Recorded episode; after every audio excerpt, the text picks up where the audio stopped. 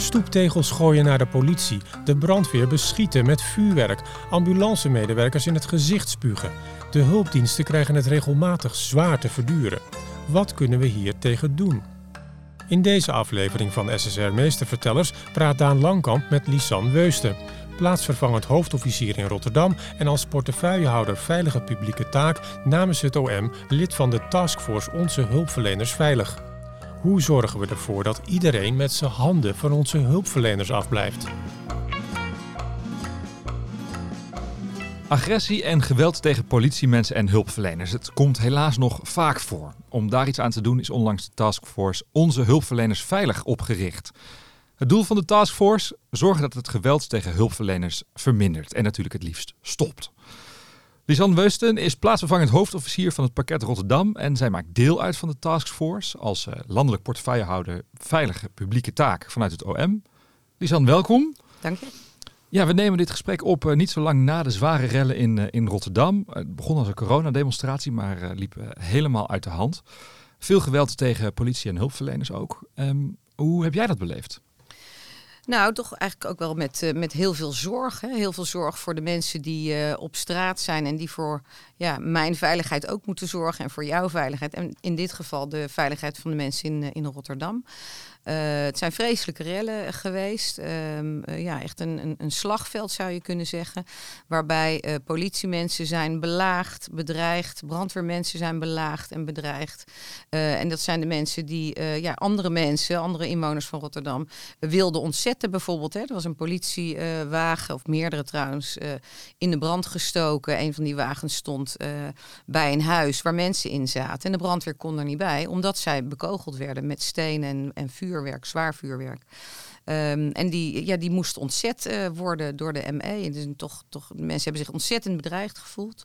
Uh, alle hulpverleners die die nacht uh, in touw waren geweest. Ja, dat is natuurlijk niet waarom je hulpverlener bent, bent geworden. Hè. Je, wil, je wil helpen en je moet scherp kunnen zijn en direct kunnen handelen. Ja, je taak moet uit, kunnen uitvoeren. De taak moet je kunnen uitvoeren. En het feit dat dat belet wordt, hè, dat kan natuurlijk al niet. Maar dat je daarbij ook nog moet vrezen voor je eigen leven. Ja, dat, dat gaat natuurlijk alle perken, alle perken te buiten. Ja, dat kan ik me goed voorstellen. En het geweld tegen hulpverleners, dat is echt iets wat het Openbaar Ministerie wil aanpakken. Hè? Zeker, ja. Uh, de norm is, is heel duidelijk, denk ik. Uh, blijf met je handen van onze hulpverleners af. Hè. Ze hebben een hele belangrijke taak in, uh, op het gebied van de veiligheid van ons allemaal. Die moeten zij kunnen uit, uitoefenen. En we vinden het ook heel belangrijk om voor deze mensen te gaan staan en ook achter deze mensen te gaan staan. Dus we hebben ook echt prioriteit om deze zaken op te pakken. Die prioriteit ligt natuurlijk ook bij de politie. Dit is natuurlijk heel zichtbaar geweld tegen politieagenten. Um, maar het geweld tegen hulpverleners is veel breder dan dat. Hè? Ja, het is veel breder dan dat. Het komt ook niet alleen tijdens rellen voor. Het is helaas toch echt aan de orde van de dag. Um, en dat varieert van uh, fysieke, fysiek mishandelen, maar ook uh, niet onderschatten, ook bedreigingen en intimidatie, uh, ook verbaal, maar ook bijvoorbeeld via internet. Hè, worden, ook via internet wordt ook wel eens opgeroepen om geweld te plegen tegen politiemensen of andere, andere hulpverleners. Um, en dan komt het ook heel erg thuis binnen hè, bij de hulpverleners. En dat, dat is natuurlijk nog een component wat het extra angstig, uh, angstig maakt. Ja, ik kan me ook voorstellen. Ik kan, kan, kan ook denken aan verpleegkundigen die nu op de COVID-afdeling door familieleden ja. uh, bedreigd worden ja. misschien wel. Ja, ja. zeker. Dus ook in de zorg, in, in dit soort situaties, uh, komt dat ook voor. Hè? En, uh, ja, deze, deze mensen Die moeten... vallen ook allemaal onder de VPT? Ja, die vallen zeker allemaal onder de, onder de VPT. En deze mensen moeten hun werk kunnen doen. Hè? Die moeten zieke mensen beter kunnen maken. En, en niet afgeleid worden door dit soort dingen. Die moeten we bedankjes geven. En geen intimidatie. Ja, een ander voorbeeld uit de zorg ook uh, komt van ambulancemedewerker Hans. Mijn collega Erik Bosten uh, sprak hem via Zoom. Hij moest een jonge vrouw meenemen na een overlastmelding naar een instelling voor geestelijke gezondheidszorg. En dat ging niet makkelijk. Luister even mee. Uh, dus deze mevrouw moest plaatsnemen op de brancard. dat deed zij ook vrijwillig. gezegd dat zij wel in de veiligheidsgordels moest. Dat, dat, moeten wij natuurlijk ook netjes in de stoel. Dus op een brancard moet dat ook.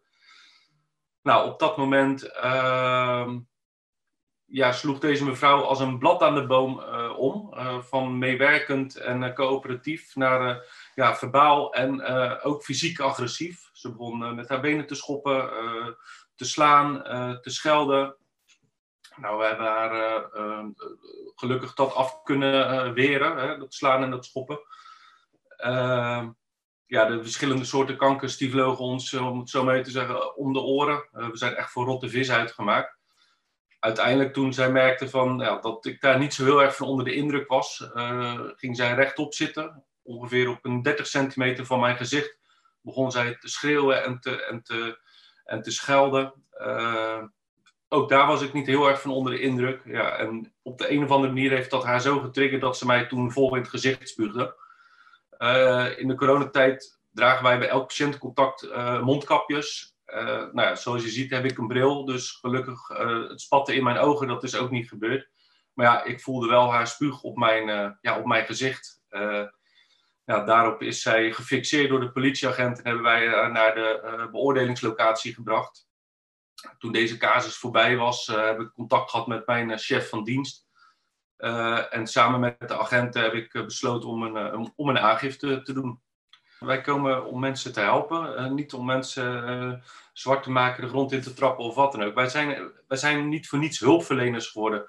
Uh, wij willen mensen hulp bieden. is het niet lichamelijk, dan is het wel geestelijk, noem het maar en als je dan daarin tegengewerkt wordt en dan geweld, fysiek of verbaal, dan ja, dat is heel erg. Dat, dat, vind ik, ja, dat, dat doet zeker wel wat met je ja, op dat moment voel je je vernederd. Hè? Je voelt je vies. Mensen hebben je in je gezicht gespuugd. Uh, je komt daar om hulp te verlenen. Uh, ja, en dan nemen ze zo een loopje met je. Dat, dat gevoel uh, had ik heel erg.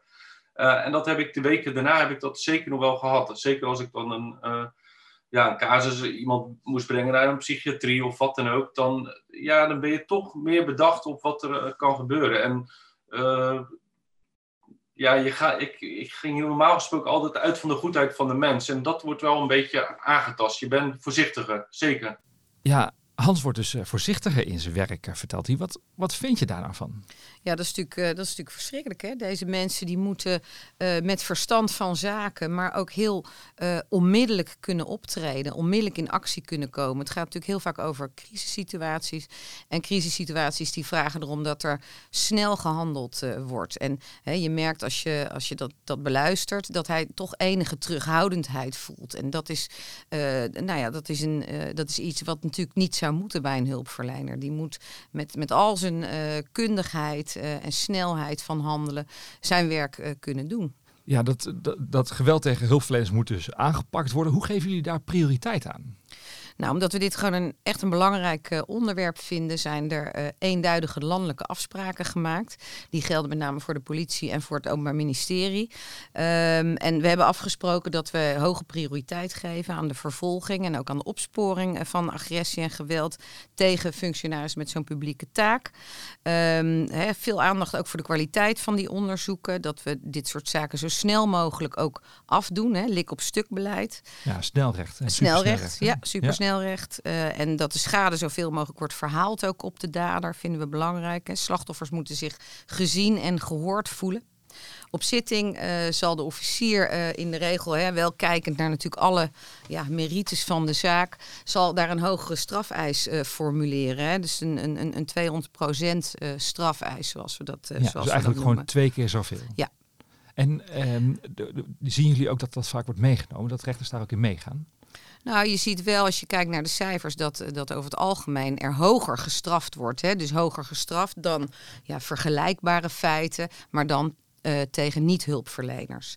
Ja. Uh, wel is het zo dat je natuurlijk ja, uh, kijkt ook naar alle omstandigheden van het geval, naar de dader. Heeft iemand een documentatie of niet? Dat weegt natuurlijk allemaal mee en, en, en nog meer wel hoor. bij uiteindelijk neerleggen van de eis. En datzelfde geldt natuurlijk ook voor wat de rechter daar uiteindelijk van vindt. Ja, en ik kan me voorstellen dat het ook een, een kwestie is van een lange adem. Hè? Jullie beginnen op een gegeven moment met hogere, hogere eisen. En da, daar moet ook een soort denkslag in plaatsvinden, kan ik me voorstellen. Ja, nou die, die denkslag die moet natuurlijk vooral ook in de, de maatschappij plaatsvinden. Hè? Dat de norm daar wordt, je blijft gewoon met je handen van hulpverleners af. Dat het echt niet getolereerd wordt. Um, hè, de politie tolereert dit niet, uh, het OM tolereert het niet, rechters tolereren dit natuurlijk ook niet.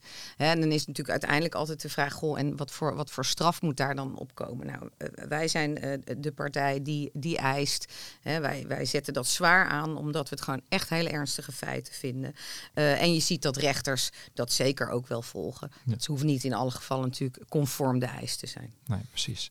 Um, het OM gaat dus flinke straffen eisen, maar je kan als slachtoffer van, van geweld, hè, stel dat je zelf een publieke taak hebt en je wordt slachtoffer, dan, dan kan je ook iets doen. Hè? Ja, kijk, wat, wat wij wel belangrijk vinden, en, met die taskforce proberen we dat ook echt wel te stimuleren, uh, dat uh, mensen melding hè, of aangifte doen. In ieder geval ook dat werkgevers uh, stimuleren dat hun werknemers die belaagd zijn. Ja, laat, het niet, laat het niet weg ebben. Laat het niet... Nee, Nee, het moet dus in ieder geval op de werkvloer echt bespreekbaar zijn. Hè? Dat, dat dit ook niet getolereerd wordt. Dat je dat, ja, vroeger had je misschien nog wel eens het idee van, god, dat hoort er dan bij hè? Als, je, als je politieman bent. Nou, die tijd zijn we toch al lang en breed voorbij, want dat hoort er gewoon niet bij.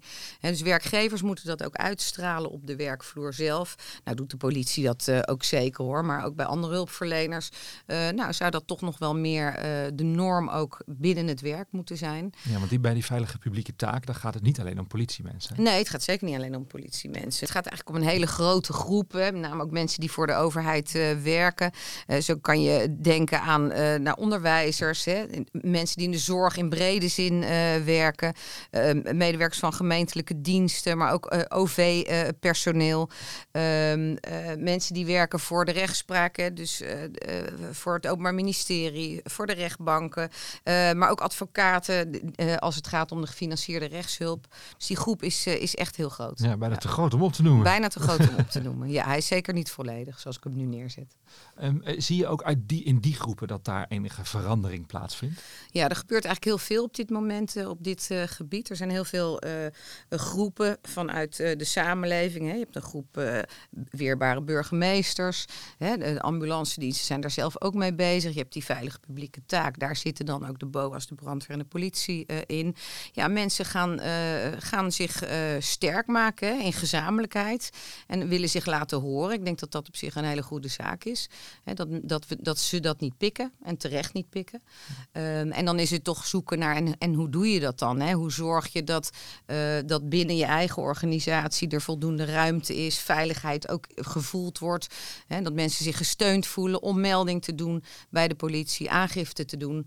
Hè? Want het is natuurlijk wel zo, als er geen aangiftes worden gedaan, ja, dan, dan kunnen we de ook niet oppakken. Nee, precies. Uh, dus dat is wel belangrijk. Ja, en je, je tikt die werkgevers al aan, hè, goed werkgeverschap. Maar ik kan me ook voorstellen dat er misschien werkgevers zijn die zeggen, ja, komen we misschien slecht in het nieuws. Ja, ja het zou een keuze kunnen zijn om, om dat dan niet te doen. Tegelijkertijd, uh, je noemt jij het zelf ervoor al, om, het, om goed, dat niet zo te nee, doen. Nee, precies. Goed werkgeverschap. Hè? Uh, ja, dan heb je toch echt, denk ik, je eerste prioriteit bij de mensen die je in dienst zelf al hebt. Uh, om, om te laten zien dat je achter ze staat. En ik zou me kunnen voorstellen dat als je duidelijk en openlijk achter je mensen staat, dat je daarmee ook een aantrekkelijke werkgever bent. Ja, um, nou tikte hij het al even aan aan het begin van dit gesprek. Um, het gaat ook om de norm in de maatschappij. Zeker. Is communicatie, hoe belangrijk is communicatie daarin? Ja, communicatie is denk ik, uh, denk ik heel belangrijk. Het begint natuurlijk al heel vroeg, hè, want communicatie, ja, ik zou zeggen op school leer je het al. Sterker nog, van je ouders zou je het moeten leren. Hè, dat, uh, dat, er, dat uh, bepaalde mensen gewoon het respect verdienen, omdat ze zo belangrijk zijn in, om een veilig Nederland te hebben. Dus het begint natuurlijk al eigenlijk heel jong.